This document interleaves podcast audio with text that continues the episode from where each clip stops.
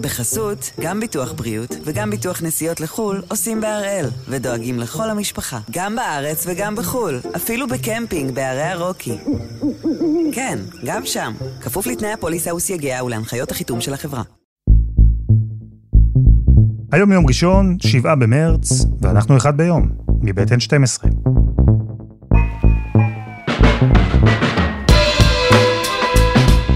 אני אלעד שמחיוף, ואנחנו כאן כדי להבין טוב יותר מה קורה סביבנו, סיפור אחד ביום, כל יום. והפעם, הסיפור של האיש שהכי מפחיד את פוטין. דיברו על זה כולם מכל התחנות טלוויזיה, בכל תחנות רדיו. כל הנציגי של ממשל דיברו על זה שאם אתם לא רוצים לקבל את המכות, אל תצאו לרחובות.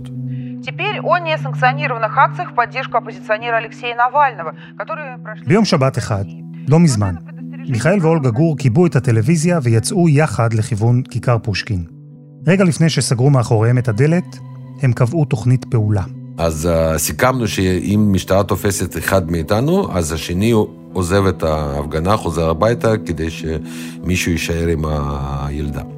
עטופים במעיל ובצעיף, הזוג גור עשו את דרכם לעבר ההפגנה למען אלכסיי נבלני, מנהיג האופוזיציה שהיה אז במעצר. עשרים שנה מיכאל גר ברוסיה, הוא עיתונאי, ראה בחייו הפגנות, אבל הפעם המשטרה נערכה אחרת. מיכאל הגיע לכיכר בשתיים בצהריים, וכבר היא הייתה גדושה באלפי אנשים. צעירים ומבוגרים, גברים ונשים. חורף, שלג, ג'יפה, לא כל כך נעים. בחוץ, שתי מעלות, מגיפה משתוללת, אבל מיכאל שם, וזה הרגיש אחרת. הפעם כאילו הייתה איזושהי הרגשה שיצאנו מפני שאין לנו שום דרך אחרת. כאילו, אתה לא יכול להישאר בבית. אתה חייב לצאת. עשרים שנה, כבר עשרים ואחת, שפוטין נמצא בשלטון זה יותר מדי. זה פשוט יותר מדי. מיכאל חזר הביתה בשעות הערב, תוכנית הפעולה שלו ושל אולגה נשארה הפעם במגירה. אבל זה היה יכול להיגמר אחרת. מעצר, מכות, אולי אפילו גרוע יותר. מיכאל ידע את זה, ובכל זאת יצא והסתכן. והכל, למרות שהוא בכלל לא תומך בנבלני. הוא קצת רדיקלי בשבילי. אני תומך ברעיון שרוסיה חייבת להיות מדינה דמוקרטית, וצריך להיות בית משפט הגון ובחירות הגונות. אבל ברור שאם יש בחירה בין פוטין לנבלני, הייתי מצביע עבור אלכסיי נבלני. השבתות האלה, שבהן עשרות אלפי רוסים יצאו לרחובות בעשרות ערים, היו רגע נדיר של אנרגיה מחאתית, רוחות של שינוי שנשבו באוויר הקר, וכאילו כל העולם הסתכל על רוסיה. אבל מאז, דברים השתנו. לא, אין הפגנות. שתי, שתי סיבות. הסיבה הראשונה זה מזג אוויר. כאילו רוב הפברואר היה מינוס 20 במוסקבה. אז ברור שכל הפעילות האופוזיציונרית הזאת הם פשוט ירדה, חזרה לאינטרנט. סיבה שנייה, שרוב הפעילים של הנבלני, הם קיבלו 7, 15 או אפילו 25 ימי מאסר מנהלי. והאמת שרק לפני שבוע או שבועיים חזרו מהביתי כלא. וכאילו, החלק מהם עדיין נמצא שם. תנועת המחאה ברוסיה נמצאת עכשיו ברגע קריטי ומרתק. ההפגנות הופסקו, פעילות המחאה עברה בעיקר לאינטרנט, וכולם מחכים לראות מה בעצם קורה פה. האם באביב יחזרו רבבות מפגינים לרחובות, או שהמשטר ברוסיה הצליח לדכא את תנועת המחאה שאיימה עליו כל כך. ובכל הזמן הזה, במושבת אסירים 500 קילומטרים ממוסקבה, יושב איש אחד שסביבו כל זה קורה. איש שהתחיל את דרכו הציבורית ככוכב רשת, יוצר סרטוני יוטיוב, איש שלקח על עצמו משימה אחת, להפיל את פוטין. הפעם אנחנו שואלים, האם אלכסיי נבלני יכול לעשות את זה?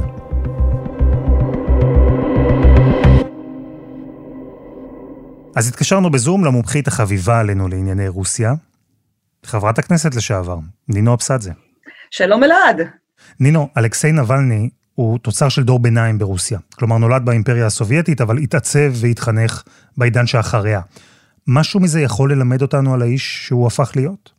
הוא ילד בעצם שנולד עוד בתקופת ברית המועצות כמובן, התחנך, גדל בתקופה של בוריס ילצין. ילצין עצמו הרי היה פרו-מערבי, ליברל, הוא ניסה להפוך את רוסיה לאמריקה דוברת רוסית, פחות או יותר. Mm-hmm. ומההתחלה הייתה אפוריה, הנה ברית המועצות התפרקה ועכשיו רוסיה תהיה דמוקרטית. בתקופה כזאת המתבגר אותו בחור צעיר, והוא יודע ששחיתות זה דבר נוראי. הוא לא חי עם האמביציות שמעצמת על בכל מחיר, זה הדבר הטוב. נבלני הוא אחר. הוא היה בתנועות חברתיות, פוליטיות כאלה או אחרות, וגם שם הוא יצא כמה וכמה פעמים נגד ראש התנועה, נגד ראש המפלגה. זאת אומרת, זה האופי של בן אדם, שהוא יודע שצריך להילחם בשחיתות. נבלני למד משפטים. הוא למד בבית ספר לכלכלה, אחר כך גם למד באוניברסיטת יייל בארצות הברית. הוא קנה בימת כסף מניות בודדות בחברות ענק והתחיל מסע צלב. ניהל קמפיין להבטחת הזכויות של מחזיקי המניות הקטנים.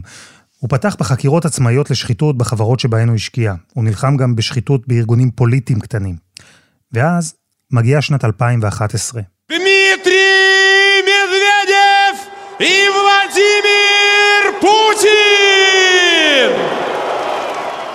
מערכת בחירות שבזמן אמת, וגם שנים אחר כך, תוגדר כמושחתת ביותר שראתה רוסיה.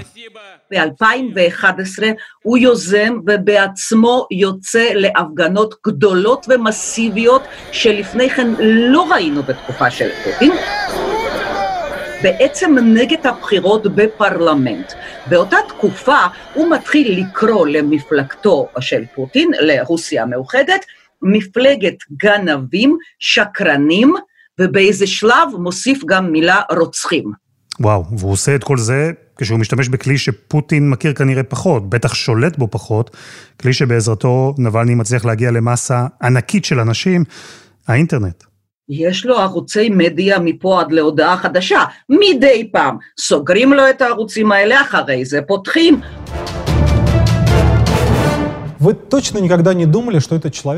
הוא מעלה ליוטיוב עשרות סרטונים, חלקם קצרים, חלקם סרטים מושקעים באורך של 40-50 דקות.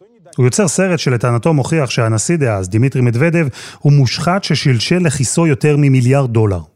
הוא יוצר סרט אחר, שמתאר את פירמידת הקשרים והכוח של התובע המרכזי של רוסיה, ואת אימפריית העסקים הענפה ששייכת לבניו. Вот она, это пятизвездочная гостиница на берегу моря в Халкидики, главном курорте материковой Греции. עשרות מיליוני צופים יש לסרטים של נבלני, והם מופיעים עד היום ברשת עם תרגום, אפילו דיבוב לאנגלית ולשלל שפות אחרות. לוחם השחיתויות, האידיאליסט, הפך לכוכב רשת. יחד עם האינטרנט בא דור צעיר, כן, שזה דור אחר שנולד וגדל יחד עם נבלני, או חלק אחרי נבלני. הוא ממש מדבר ישירות ואומר, תקשיבו חבר'ה, אתם צעירים, אתם בטח לא זוכרים, תשאלו את ההורים, כי שנת 2021 זה 30 שנה להתפרקות של ברית המועצות, והוא פונה לאלה שנולדו אחרי האימפריה הסובייטית. ובשנת 2013, כוכב הרשת הופך לפוליטיקאי.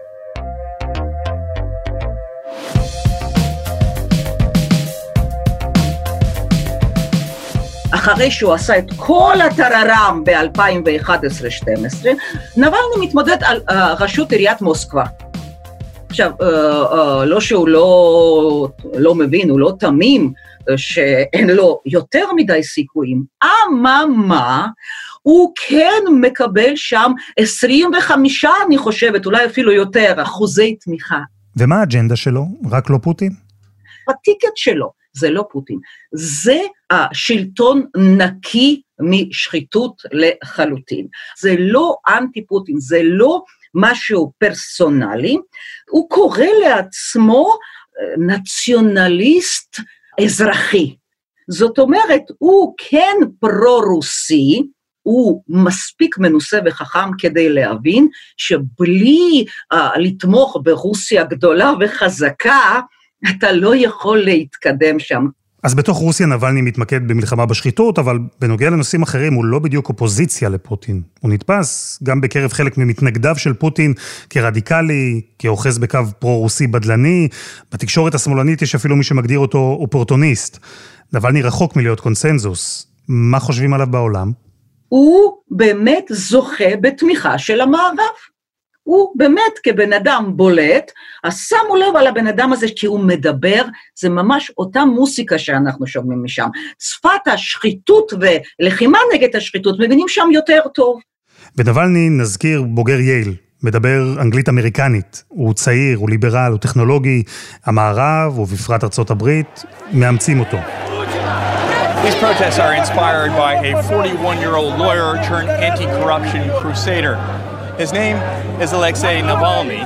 הוא הולך ונבנה, לפחות בעיניים זרות, כאלטרנטיבה לפוטין, איש שממשיך להסתבך עם המערב, מספח את חצי האי קרים, מגדיל נוכחות במזרח התיכון, ובעיקר שולח זרועות לעבר הבחירות בארצות הברית. ב-2018 רוסיה שוב הולכת לקלפי. נבלני מחליט להתמודד על הנשיאות. הוא מגיש את המסמכים באופן רשמי, וכבר למחרת המועמדות שלו נפסלת, כאשר הסיבה הרשמית היא שיש לו עבר פלילי. של הפעילות החברתית שלו נעצר לפחות עשר פעמים, בילה במצטבר יותר משנה במעצר. נינו, נבלני הרי יודע שאין לו סיכוי במרוץ לנשיאות, אז מה זה, זה גימיק? תמימות? זה בטוח לא תמימות. זה אומץ, זה עקביות, זה התמדה, זה פשוט רצון, תוך כדי שלדעתי הוא כן צריך להבין ש... אין לו סיכויים, ואתה יודע מה, לא בגלל פוטין ובית המשפט והמשטרה ברוסיה. אז למה? מי שנתמך על ידי האמריקאים באופן אוטומטי נתפס ברוסיה כעוד ליברל אחד, שמילה הזאת הפכה למילת קללה וגנאי עוד לפני מאה שנה בזמן מהפכת אוקטובר. ב-2018 זה ציטוט uh, של פוטין, uh, הוא אמר, הנה תראו, הם רוצים לראות אותו, זה מוכיח, רוצים לראות אותו כנשיא רוסיה. אם פוטין יודע שהרוב ברוסיה לא באמת תומך בנבלני, אז למה להפוך אותו לאויב הגדול? למה לרדוף אותו ככה? אלעד, שאלה של מיליארד דולר. בקיץ 2020 היו בחירות בבלרוס. ובלרוס זו מדינה, כמו שאתה יודע, 26 שנה, בלב אירופה, יש דיקטטורה של איש אחד. בבלרוס נמשכו המחאות נגד השלטון במהלך סוף השבוע. עשרות אה, מעצרים נוספים בוצעו על ידי כוחות הביטחון בעיר הבירה מינסק, שם התקיימה הפגנה גדולה נגד הרודן לוקשנקו, הנאשם בזיוף תוצאות הבחירות. היה שם באמת תקדים שלא ראינו אותו 26 שנים. העם הבלורוסי באופן מסיבי יצא לרחובות. לוקשנקו כבר בתחילת ינואר 2021 אמר דבר כזה, שאם בלרוס הייתה נופלת, רוסיה הייתה הבאה בתור. כלומר, פוטין מסתכל על בלרוס ואומר, כזה אני לא צריך.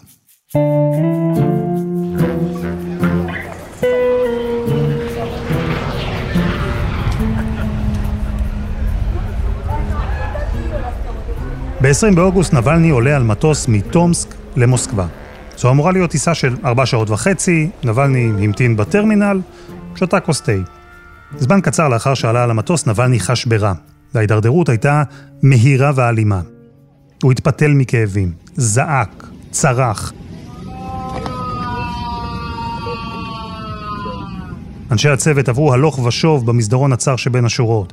המטוס הונחת בנחיתת חירום באומסק, נבלני הובהל לבית החולים, ושם היה במצב של תרדמת, מחובר למכונת הנשמה. אנחנו לרוסיה, מנהיג האופוזיציה הרוסי אלכסיי נבלני, יריבו החריף של פוטין, מאושפז, מורדם, מונשם בבית החולים, אחרי ששתה תה במהלך טיסה למוסקבה, אנשיו של נבלני אומרים שהוא הורעל. כמובן שברוסיה הרופאים אמרו שאין שום הרעלה, והם בודקים מה באמת קורה לו.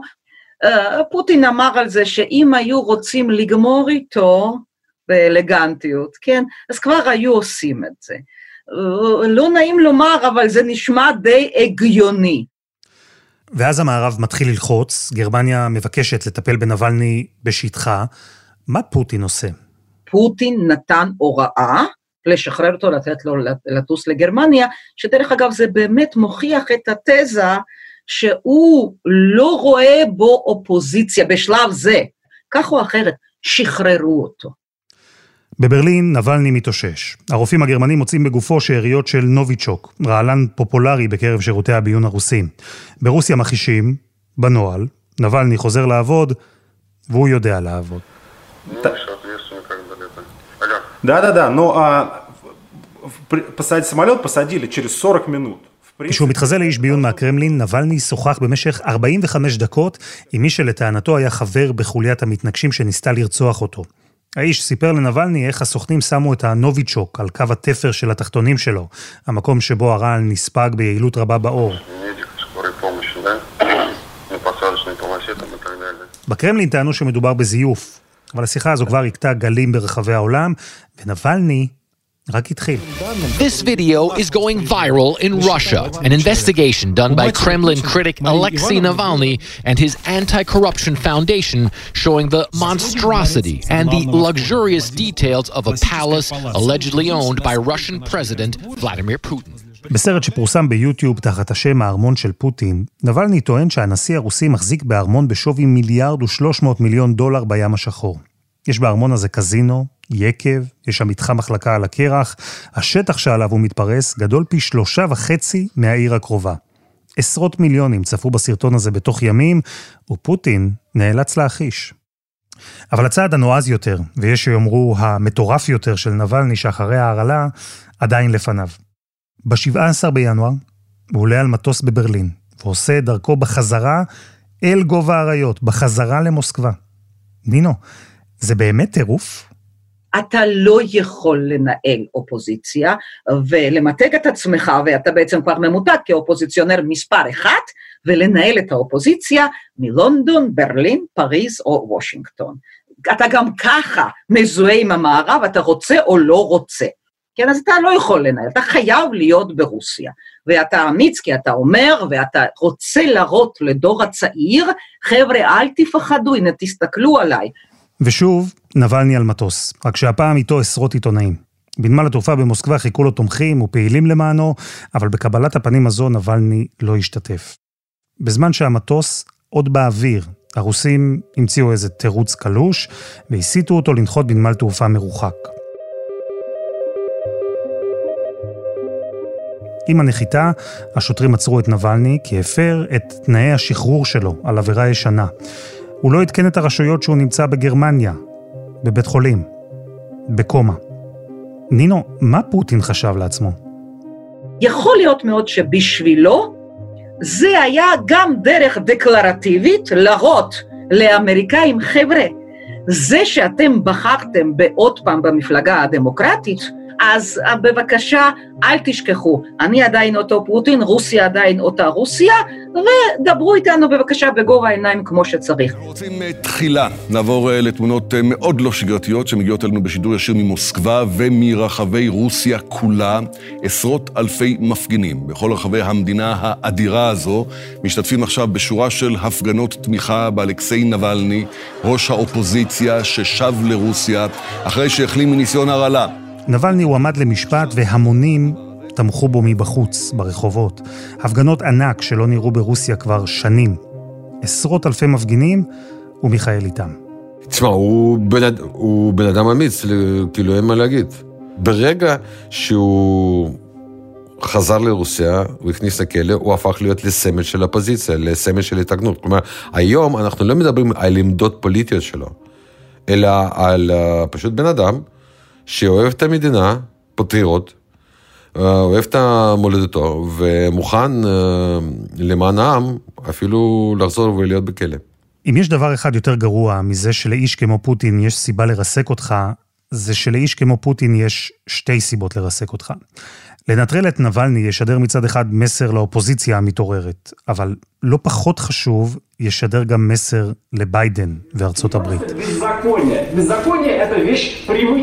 אבל גם לנבלני יש מסר שחשוב לו להעביר. לעולם, לאזרחי רוסיה, בעיקר לאיש אחד. בתום המשפט שלו מכניסים אותו הסוהרים לחדר קטן, הוא לבוש בסוואטשרט כהה, המבט שלו חודר, ובאמצעות שיחת וידאו הוא מבקש מהשופט לומר כמה מילים. מה הוא אמר שם? הוא אומר, למה היה המשפט הזה? בגלל שאני מעצבן בן אדם קטן אחד שנמצא בבונקר גדול מתחת לאדמה.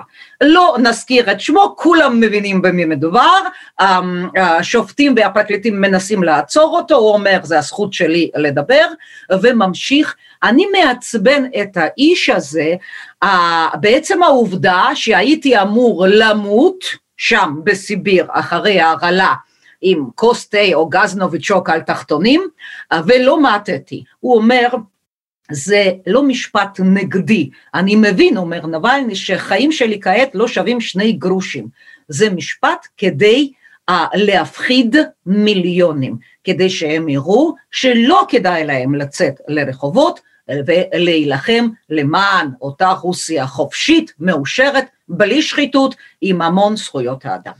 נבלני, בסופו של דבר, הורשע בהפרת תנאי השחרור. השופטים טענו שהיה צריך להודיע איפה הוא נמצא, ולא ממש התרשמו מההסברים שלו, שכל העולם ידע שהוא בבית החולים בגרמניה. הם גזרו עליו מאסר של שנתיים וחצי, ונבלני לא ירצה אותו בכלא רגיל, אלא במושבת אסירים מה שאנחנו יודעים על המקום הספציפי הזה מאנשים שהיו שם, והיו שם אנשים שהם לפחות קוראים לעצמם, והקהילה הבינלאומית מכירה בהם כאסירים פוליטיים, הם מספרים שזה מקום איפה שאתה נמצא ממש בלי שום קשר עם העולם החיצון. כנראה זו הכוונה, לא טלוויזיה, לא טלפון, לא אינטרנט, הדרך היחידה לתקשר, כך מספרים, אה, שמשם חוץ מלשלוח ולקבל מכתבים, שגם זה אלוהים יודע אם הם יגיעו אליו ובחזרה למישהו יכתוב, אי אפשר לנהל שום קשר עם uh, שום מקום בעולם, בינתיים זה מה שאנחנו יודעים על המקום. נינו, וההתפתחות הזו מובילה את המערב לנקוט בצעדים ממשיים.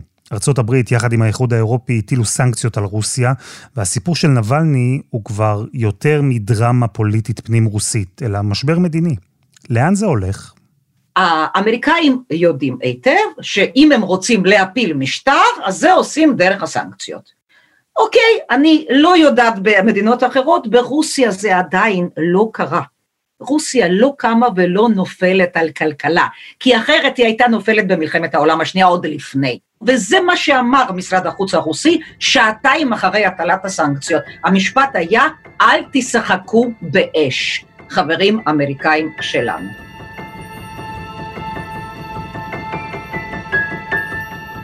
אז בעוד שנתיים וחצי אמור להשתחרר אלכסיי נבלני בדיוק בזמן לבחירות לנשיאות, 2024. אנחנו לא יודעים איזה איש יצא ממושבת האסירים המבודדת, אנחנו לא יודעים איך רוסיה תיראה אז. פוטין ממשיך לנסות לשבור את היריב שלו, אבל נבלני כבר הוכיח לא פעם שהוא לא נשבר בקלות. השאלה מתי נבלני יצליח להביא לא 40 אלף, אלא 40 מיליונים לקלפיות, שיצביעו לא נגד פוטין או בעד נבלני, אלא יצביעו להיות מדינה כמו כל המדינות של המערב. אני עוד מתקשה לראות את הבסיס המוצק שיגיד, אני לא רוצה להיות חלק ממעצמת על בכל מחיר.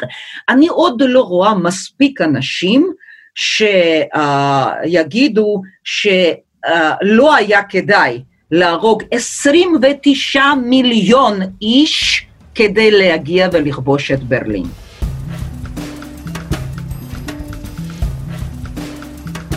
תראה, אני תמיד אומרת, אני לא יודעת מי יהיה אחרי פוטין, מתישהו הרי זה יקרה, כן? ביולוגית זה יקרה. נכון. אני לא יודעת מי יהיה אחריו, אבל אני יודעת בוודאות, אחרי מה שראיתי ב-91, שאתה היית קטנצ'יק, ואחרי שראינו והיינו מאושרים שילצין בשלטון, ועשר שנים, uh, סך הכל, פחות מעשר הוא היה שם, תקשיב, בן אדם בוגד קללות ברשתות, uh, uh, על מה?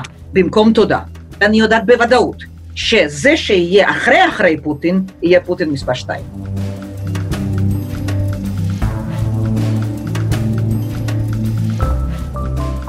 וזה היה אחד ביום, מבית N12. אפשר למצוא אותנו באפליקציית N12 ובכל אפליקציות הפודקאסטים. אתם יותר ממוזמנים לעקוב אחרינו כך שתוכלו בכל בוקר לקבל את הפרק החדש, ואם אהבתם אותנו, נשמח גם אם תדרגו. העורך שלנו הוא רום אטיק, בצוות דני נודלמן ועדי חצרוני, על הסאונד יאיר בשן, ואני אלעד שמחיוף, ואנחנו נהיה כאן גם מחר.